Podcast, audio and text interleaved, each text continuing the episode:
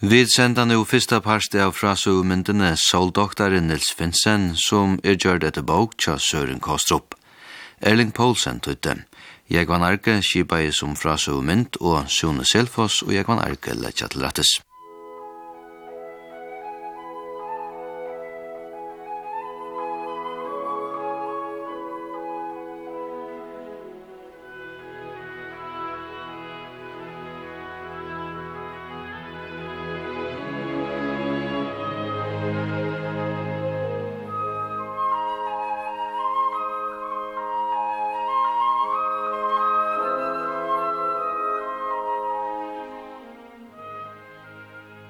Just i hesson døven er i hundra år, så gjerne den heimskjente havnadronkeren Nils Ryberg Finsen kom så lengt og alleies vi sønne røntun at bruka ljós i lakna gjerningen, at han kunde prekve at henda nudja vitsjer virka i. Nils Finsen var heimskjenter fyrir avrik sutt, og var heiravur vi Nobelheiers lønene og i lakna vusundun og i æren og 1903. Men langt vi er i etter døyan, einans 34 år gammal, ta heian veri sjuk og landje. Nek vil skrive om Nils Finsen. Ein tarra som jeg vil skrive om han er danske rithøvenderen Søren Kaustrup, som fyrir faven og Arne Sojane letur hånd om bautjena Saul Doktaren.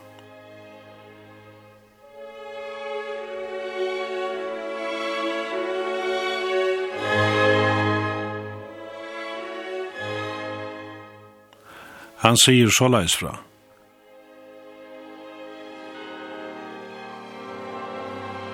Ta i tunkopostrene var leten opp, og et so av sørgartavnøyge flamte ut over plosset, her flere tusen folk var kommet sammen.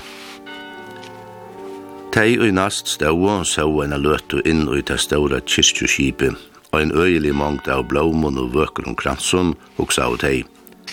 Som marmor kyrkjan var vøker i det, nå var fullsett av folkje og i ist og dyr. Bostor flyttet ikkon, Tøyre før og politistene i Kjepmannahavn var og sindur malskjer og hadde ura gjerra at trusta forvittnar og skårar bostur fra Venum. Tøyre skulle genga ras fyrir lukvoknunum og tøymun og i fyltu, og menna løto før kistana vera boren ut. Kistjoklokkaren hørtes nu slåa tei holi og sirkis løyene, og ødel hukto at vekkurs prutt og kistene, og og i nuar boren ut, og i som og løt og kom solen fram og stava i hestbløyg av byen.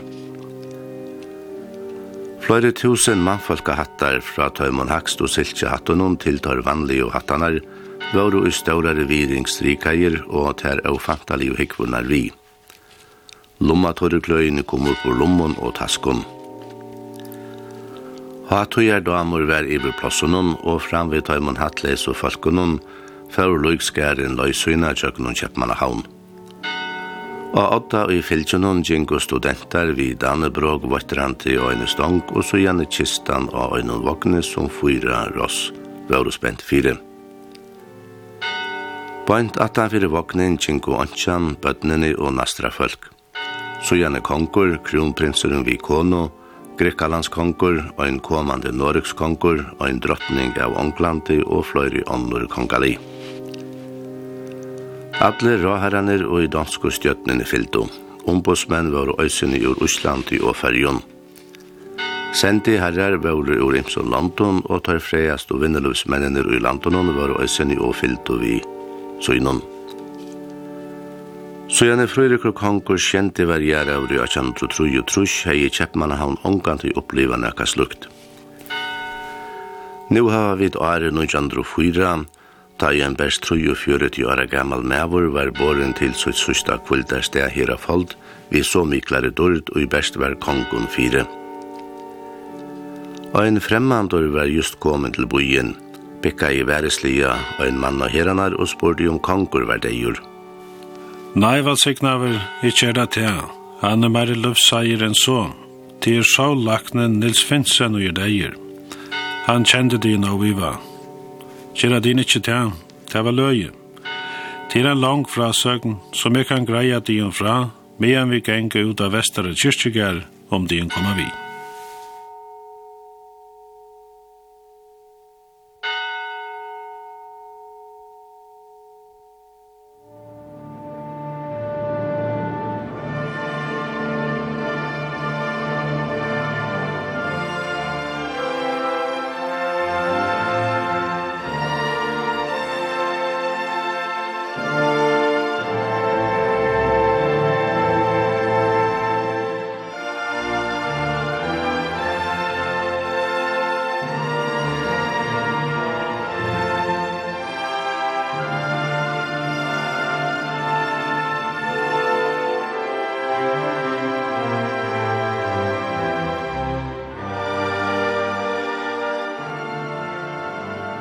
Alt byrja jo i färjun og einar i av taimen og atjan atjan og ut jo i Atlantshavet. Rattar jeg kanska sia at det byrja i av streimøtne og i havnene som er høvestaver i atjanen. Og i embedeshusen hun tja fjotanen Hannes finnsen var stor frøyen stått fyrir jól i 1803. Kona fjotans Johanna hei beint ta åtta i badna træt, ein drong som fekk navnet Nils. Mamman sa det vært at vi bedrast länon i Kjøpmannahavn. Papen var Øslendengur, her finnes en atten hei bo i nudjundra år. Det senaste atterliene hadde vært embedesmenn, prestar og lagfrøyngar, og Hannes brea ikkje bort rurat. Han var lagfrøyngur og fjote, og sætni amtmæver, kongsens haksti embedesmæver i fyrjun. Bæg i Øsland og fyrjar våre ta heldur illa røkter partar av danska rujunum. Da Nils var fyra år gammal da i mamman sara, men hei så senaste fyra årene åt tvei bøtna træd, en agent og en drong. Nu at foten ensam alle etter vi fyra små av bøtna. Han sendte båt til Kjeppmanna havnar til han 28 år gamla gente, og i versisna på gån koni hans herra, og hon jotta i at røyna vera taimen i maurstegn. Det klarar hon så vel att han 23 år gamle Hannes Finsen sattne giftest vi henne. Flere bøten kom i atræt, og at enda var det tutsi bøten under lånene. Havnen var om hetta monti ikkje annen en stor bygd kring om nese, her utrar av mennene hadde drije batar svinar opp. De store skipene la de atskjere fatla av vannet, legur landet, og herne var folk og farmer førte land ved smarre baten. Av skansene var kanoner som best låte skåte av ta kong og fylte, og herne heit og fralukt utsynet. Herne sast og pakkhusene som fyltest og tømtest, batanar som får i ære rødkjær ved vøre, tar som får i utarekva, Edla kom i atra landet søkk latner av Tostkjedla seie, og anker kanska vi tveim og stavrum flundrum. Av og av komu stórar breiar skonnarster av havnuna. var voru som svartir, sjálbrendur menn ur Spani og Portugal. Der komu vi janvörun, kryddarujun og frukt. Vi färjan färmde der klippfisk til landene vi mygjarar havet. Vanda mykje vera leggje ut av hav, tog ötnarvever kunde brottliga bresta av og batar genga bortur. Hetta visste Hannes Finsen, og tog vildi han ikkje lova bøtnen av flåt vi utrøra mannen Men vi sluppo at reiko i fjørene, og vel domt i okkon at høyra fukla ljå, og særlig at kjøldrene. Det var eisne stuttlet at fenga krabba og fiska tettene morstar, finna vekrar steinar, tomter og stor fræhiltje, og i våre rikjen ur fjær og London, og slien oppa land. Og i bøynun sluppu vi da spela, og vast vi skuldu halda okkum bortur fra avvísum støvun. Ta voru ter skumli og øl og brennevunstovunar, og her, som teg konufalkjene og skikka av seg illa, hildu til og trøtsli og myrskun småttu. Bøyren var ikkje staurer, De fleste husene var småtter vi moldgalve, og best loyti av husbuna. Røyene var ikkje til så negv, Ovalega i bøynun var kyrkjan, prestagæren, ammanshusene og husene tja i betrasleanen. Her levde Nils Finsen sunni avvid og er. Sama vi badja sunnen Olafe som vera sindur eldre, får han ofta til fjalls. Tar kappa av oss de av vera fister nianna herenar og omanatter, tar funne foglareier, bygd i håler og skotet til måls. Om sommaren svommet der ute i kalta sjånen, vassav og spalte vi skip i havnara. Men en part av Arnon nøttes der sitt inne. Det var ta veteren kom vi kult og kava, kvasser, stormar, grov og lang el, og myrkur hilde damen innadora. Men det bildi ikkje, tog inne var nekv at troi voi. Nils var helt fittur i hånden og bestånd i honom er sida vi en knuive og teltja og skjere ut. Tre funne vi nir i fjørene, reka vi jo treit ikkje. Og i hans herra og hånden brøttust trepette til imiskar loter som vi brukte som leiketøy. Vi tekna og spalte kort, låser gåar bøker, eller bøttu om frumerskir. Men Nils stånd det besta sida vi knuivenon og teltja og smuja. Han kunde sida flere tøymar og gjera bonytter til dukkehuset av systrenon.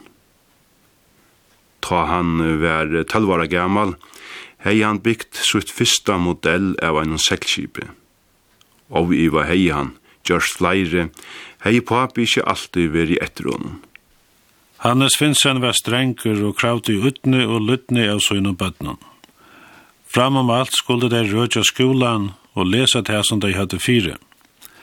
Eisen i hansara siner skulle kunna studera og streva seg fram til et embete og et plass av løvsens solsuje. Nils tjekker i allskole i havn. Undervisningen var av danskon og danskon lærebåkon, og det føreska malet var ikke til middelen da menta i følelse. Pabians har les ommeldes bøkene bei vel og virrelige, og var vittnesboreren ikke noe gaver i ene læregrein, måtte Nils knossa vi henne etter skolatøy. Han fikk lærere fremmedkjøen, en eik at med franskun og tyskun kvann sætnapart, og franskan støylana kvann det. Det var kvelande.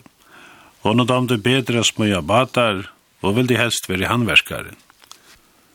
Men papen hei eina fyr med alla avgjørt framtøyina tjadrøngenon, han skulle være kongliger dansker embadismøver. Jeg var best holdt åra gammal ta mamma døye i 1804. Omma kom til farge at vera i husen og tjåkon, og hon blei verande til tess papi giftist oppater nøkru av skjøttene. Omma gav Nils Braure fyrsta skossmal som mer er sagt fra. Han skulle alltid rannsaka leikur sunar ut i ått og egg, granska der innan og pilka der sunter. Hette er ikkje ovanligt linte kja drontjon, men atler vere ikkje vysindamenn fyrir tean. Omma blad jeg rista vi hatt noen og sia, Hæsen dronkeren hever eina flóis ui eianon. Annars haldi ikkje at Nils var ørvusi enn dronker er flestur i badnaren. Lærar i okkara og i realskolanon minnist han bæra som ein gaulintan frialian smatrunk. Han dott i hamplia vel i skolan, men lærte ikkje vel utan at, som alt okkara slea iver høver. Han var oiva feknast da klokkan var tvei, og skolen helt oppi at. Frøyløden er nøyt igjen til fullnær. Han gikk oppa brattaste tintar og etter brattaste studsjon. Negvastene her illgångt vir, finnast bøkstavener, NRF rister og steinar, sier Wilhelm Finsen. Der spalte som oftast einsamadler, men vi kvart saman vi jammaldron søgnun, og det er våre ta allir helst vilde vera vi i leidjenen.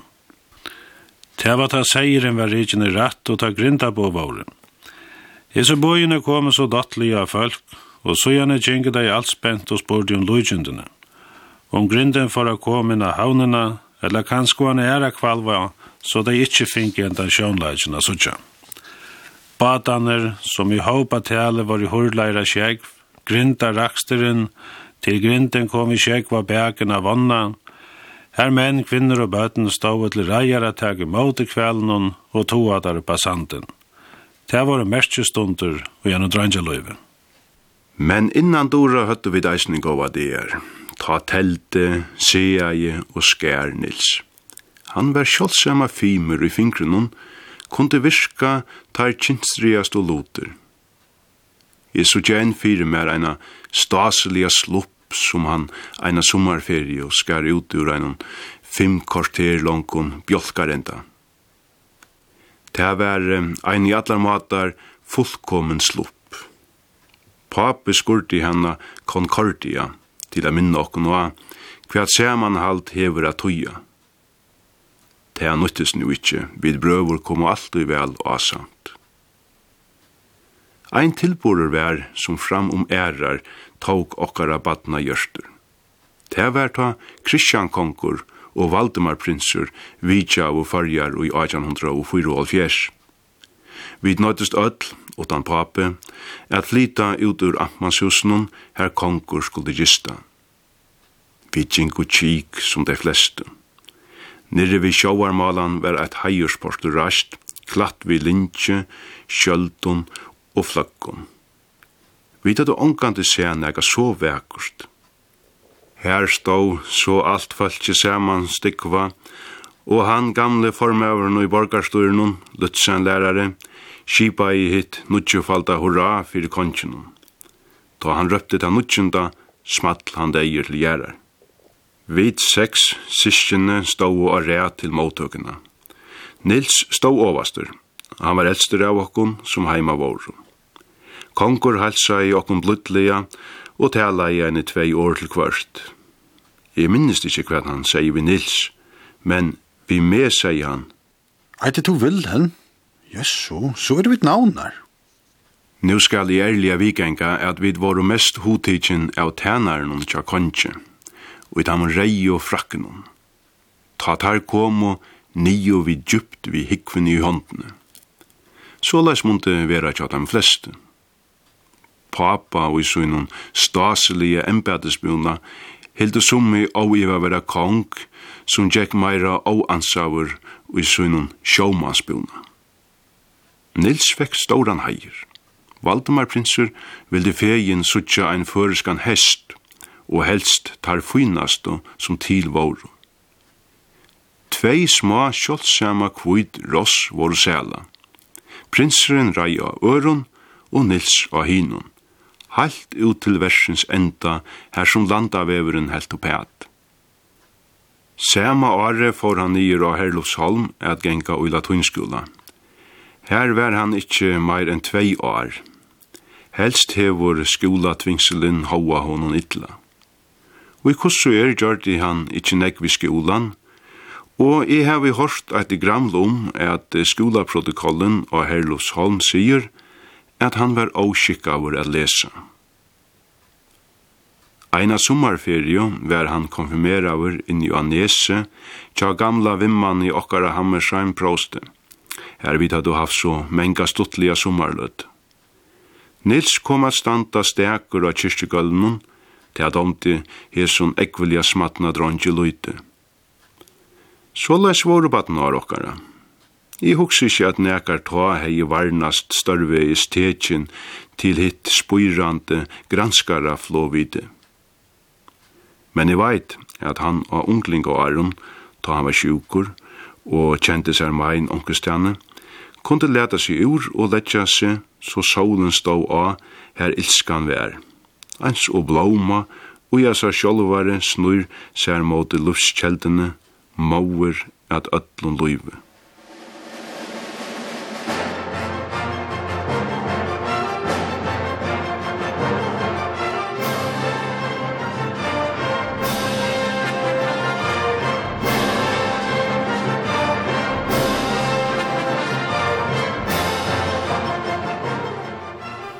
Nils Finsen var 14 år gammal sender nira Herlufsholm og geng skola. Studentspreg måtte han heva, og det fikk ikke i fyrjun.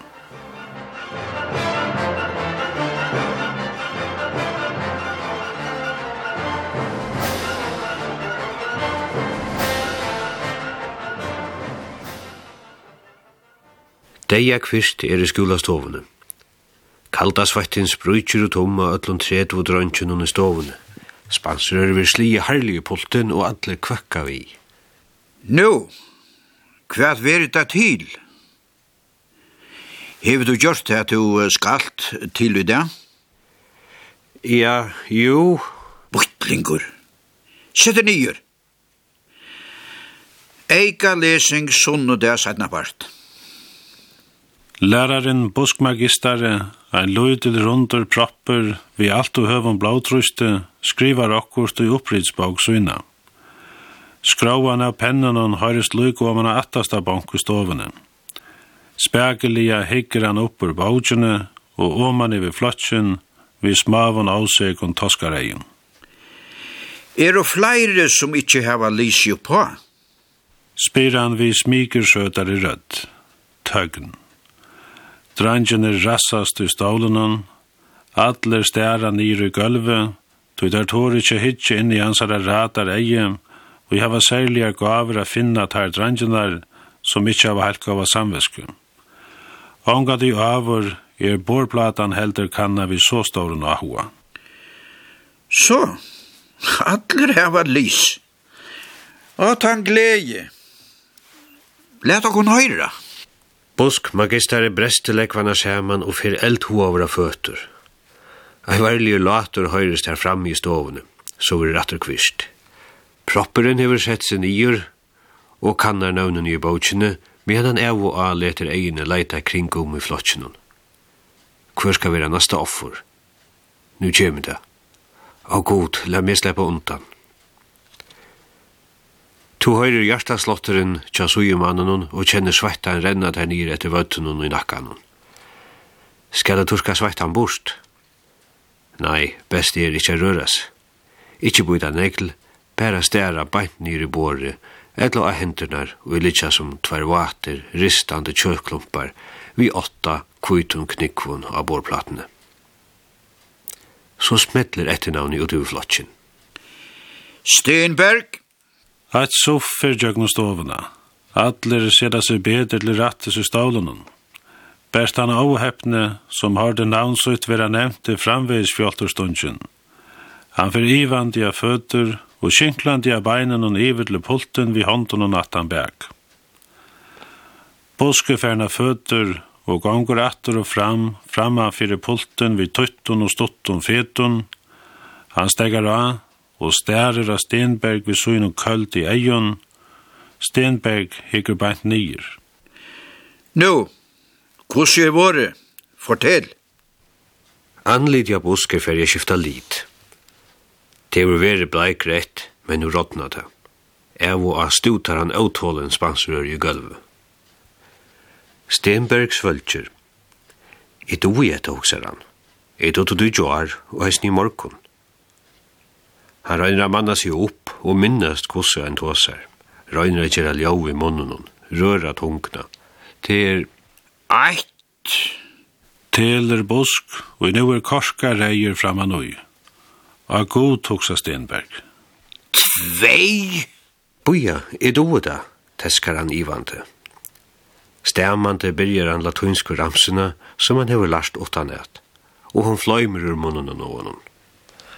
Eitt undur, Læraren hikker henne løt og bilsen etter henne. Han korskar reie liter en kvarver anliten hon. Han nikkar, og vi ser han nøkter hvis hun gaver at læra fra seg. Han slær i takt i gulvet, med Stenberg bender årene. Sjåtare, sjåtare. Og i mea vera hine nemmingane rattare og rattare fyrir hver skal nastur opp. Så leis færa tøymane fram av Herlufsholm kostskola og i 1805. Her sitter Nils Finsen Atalia og i fyrsta latuinskola flotsen. Herlofsholm er en skole hver søva og sier genga helt atter til myøldena. Han er og en av vøkron blette sånna fyrir nestved, omkyrter av skavun og vøtnon, og så sa en renner tjøknen da gamle via londona. Det var en øylig brøyting til at de fyrstanara gamla Nilse er koma til Lerlosholm. Tog beter Jack eldre brauer hansara eisen i skole her, så han var ikke helt ensamatler i fremmede landet. Ungkvarve var alt ørvesen, bæg i skolen, lærerne og nærmengene, tyktes Nilses og atterlatner, og naturen. Hian i han kom, var han venner vi godt utsynne. På skolan var allt väl kipa. Gång och Jack och enda male var pratøkan. Alt skulle terpast og lærast utanhet, og annars skulle du gjera som du var byen.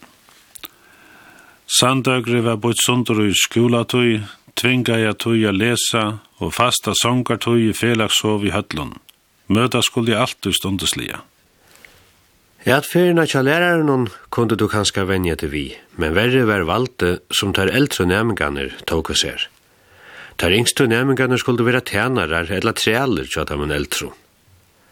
Her skulle bosta støvlar, reie opp, renne ørende. Jeg stod sagt, sutja til herran, og leia seg etter hans herra høyre, som kunde vera helt bortur vi, vi kvørst.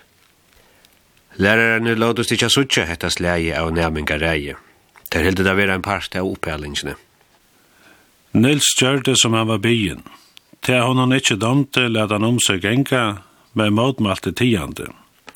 Det arga i hana suttja kvos og sommer vimmen slaskavu fyrir sunnun herran. Men var det så anga gaua løter? Jo, det var fimleikatøymanner og svimjetøymanner i ånden. Og så det gaua vinarleie som tog seg opp i klassanen. Jeg var av og av bøyen heim til terra som bo i nånd. Og så var det det når ta brev kom fra sistkjennom og pappa i fyrjun. Papi hei alltid okra sida. Bruka frutøyna til at herspala tøynsko må lærna. Du skal tykka mer at eina fyrir kjemur at her til gåar. Men Nils sier Løtland hodle baujina. Karakterbaujin var fotla av matelig og teke som sverre neka til 3 og 5 i dag. Ta fyrsta året var ferdig at om, var støvan så vanlig at han slapp ikkje opp i annan flokk. Nils Finsen er ein gau dronker, som skikkar seg vel men gavunar er vanaligar, og han hever pust ongan hotel til som gjerra skal skola. Såla jeg skriva i skolen til papan i fyrjun. Han er samt med over sætte søgn og leie og skammeist, og han heie så avdonalige sinner. Skulle han sedan hilse i et læreplass, som han er gjørst ved den eldre dronjen, som langt over given og herlof salm og kommer natt til fyrja, var det sinner pura og møveligere.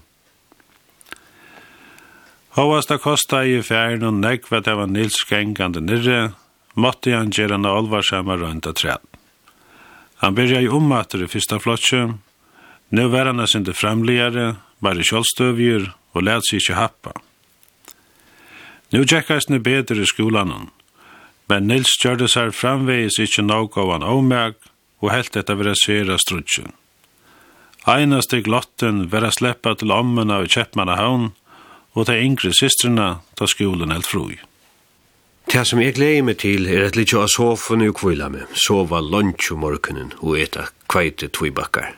Til sommaren helt stod røyndene opp i annan flokk, kom et hei boer fyrjon fra Hannes i Finnsen, at Nils skulle gjøre seg til å komme heim og takke alt vissar som han åtte. Nils var bilsen om seg bøyene, men ikkje harmer. Hver kan årsøkjen være? Er papi ikke nøgter vi urslutet til årsrøntene? Eller hever onker slæt seg, så papi hever finnes at vita at jeg og tvær vimmen hever virja vershuset. Nei, årsrøntjen var en helt anner. Det er sansa i et tja papan og fudjalia. Bøtnene var komen høtt i høtt, og lønnen var ikke hakka samsverande. Så kvar som bøtnene kom til, og skulle sedas til lær eller færri hakru skola, nøydes papen at hoksa langur fram i togina. Hannes Finnsen var føtter i Øslande. Her var en av for å over latinskolen. Det kostet ikke så nek var genga tannskolen, og Nils kunne bygge for i ønske til ommesynet, og en fire måneder være træt. Ta Nils etter studentsprek vi skulle nye til lesa lese lært av haskolen, kunde han som uslenske studenter bygge avkjøpes av studentabostenen Gary i Kjøpmannahavn, fyra de første lestrar. Tøy var Nils nu av etter Retsjavukar, han skulle atter byrja et nytt løyv.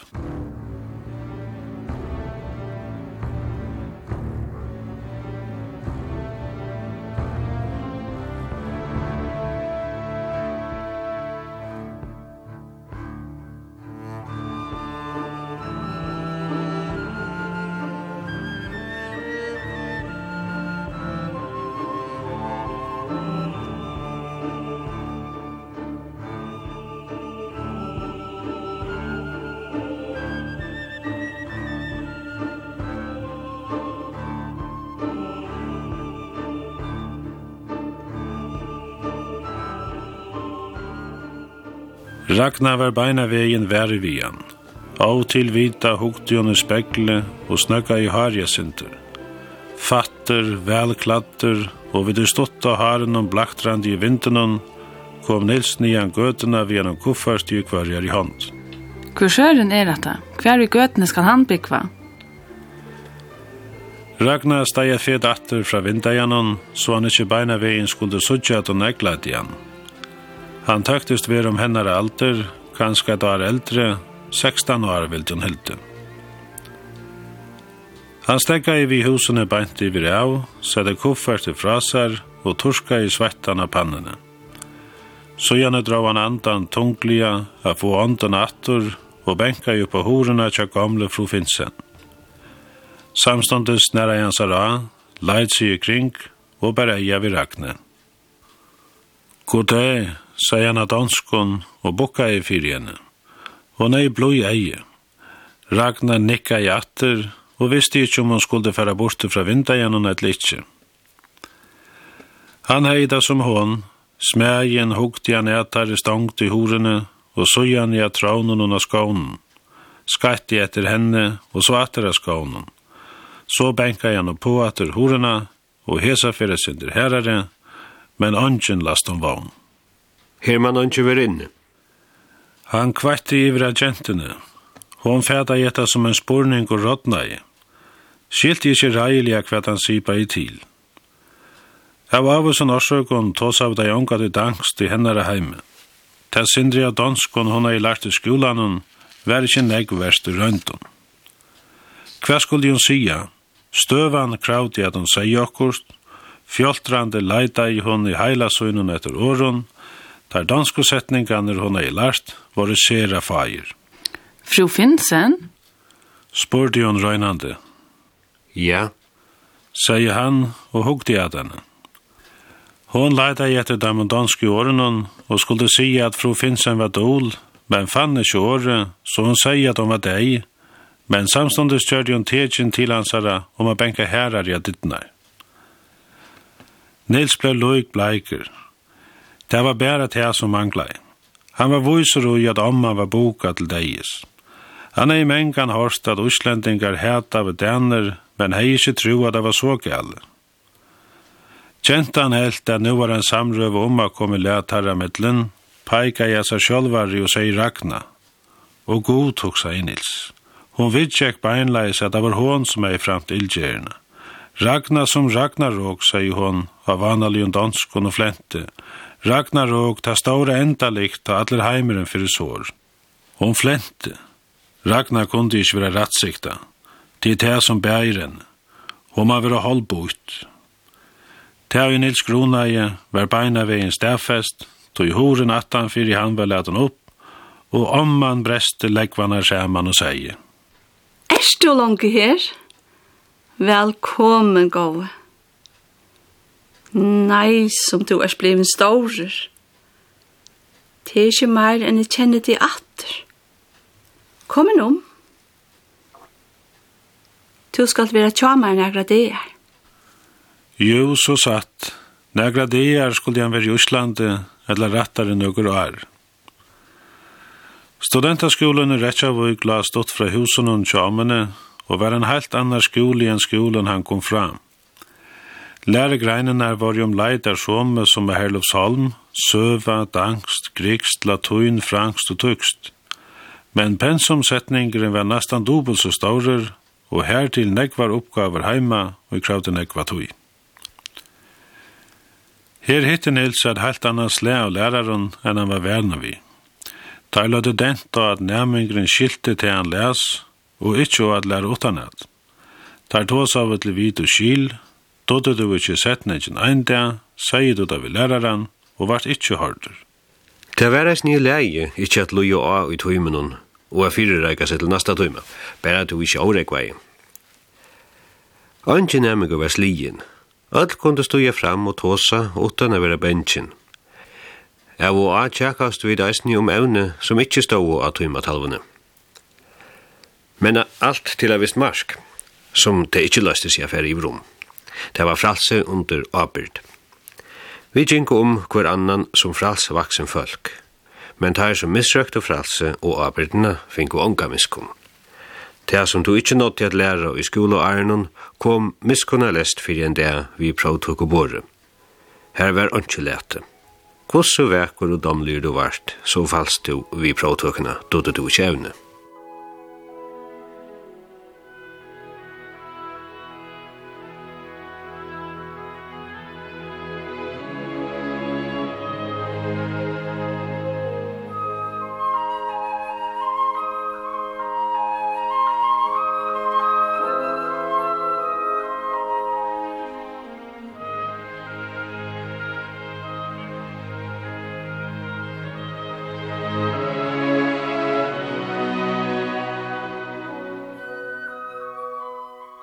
Vi hava sendt fyrsta parst av frasøvmyndene Soldoktoren Nils Finsen.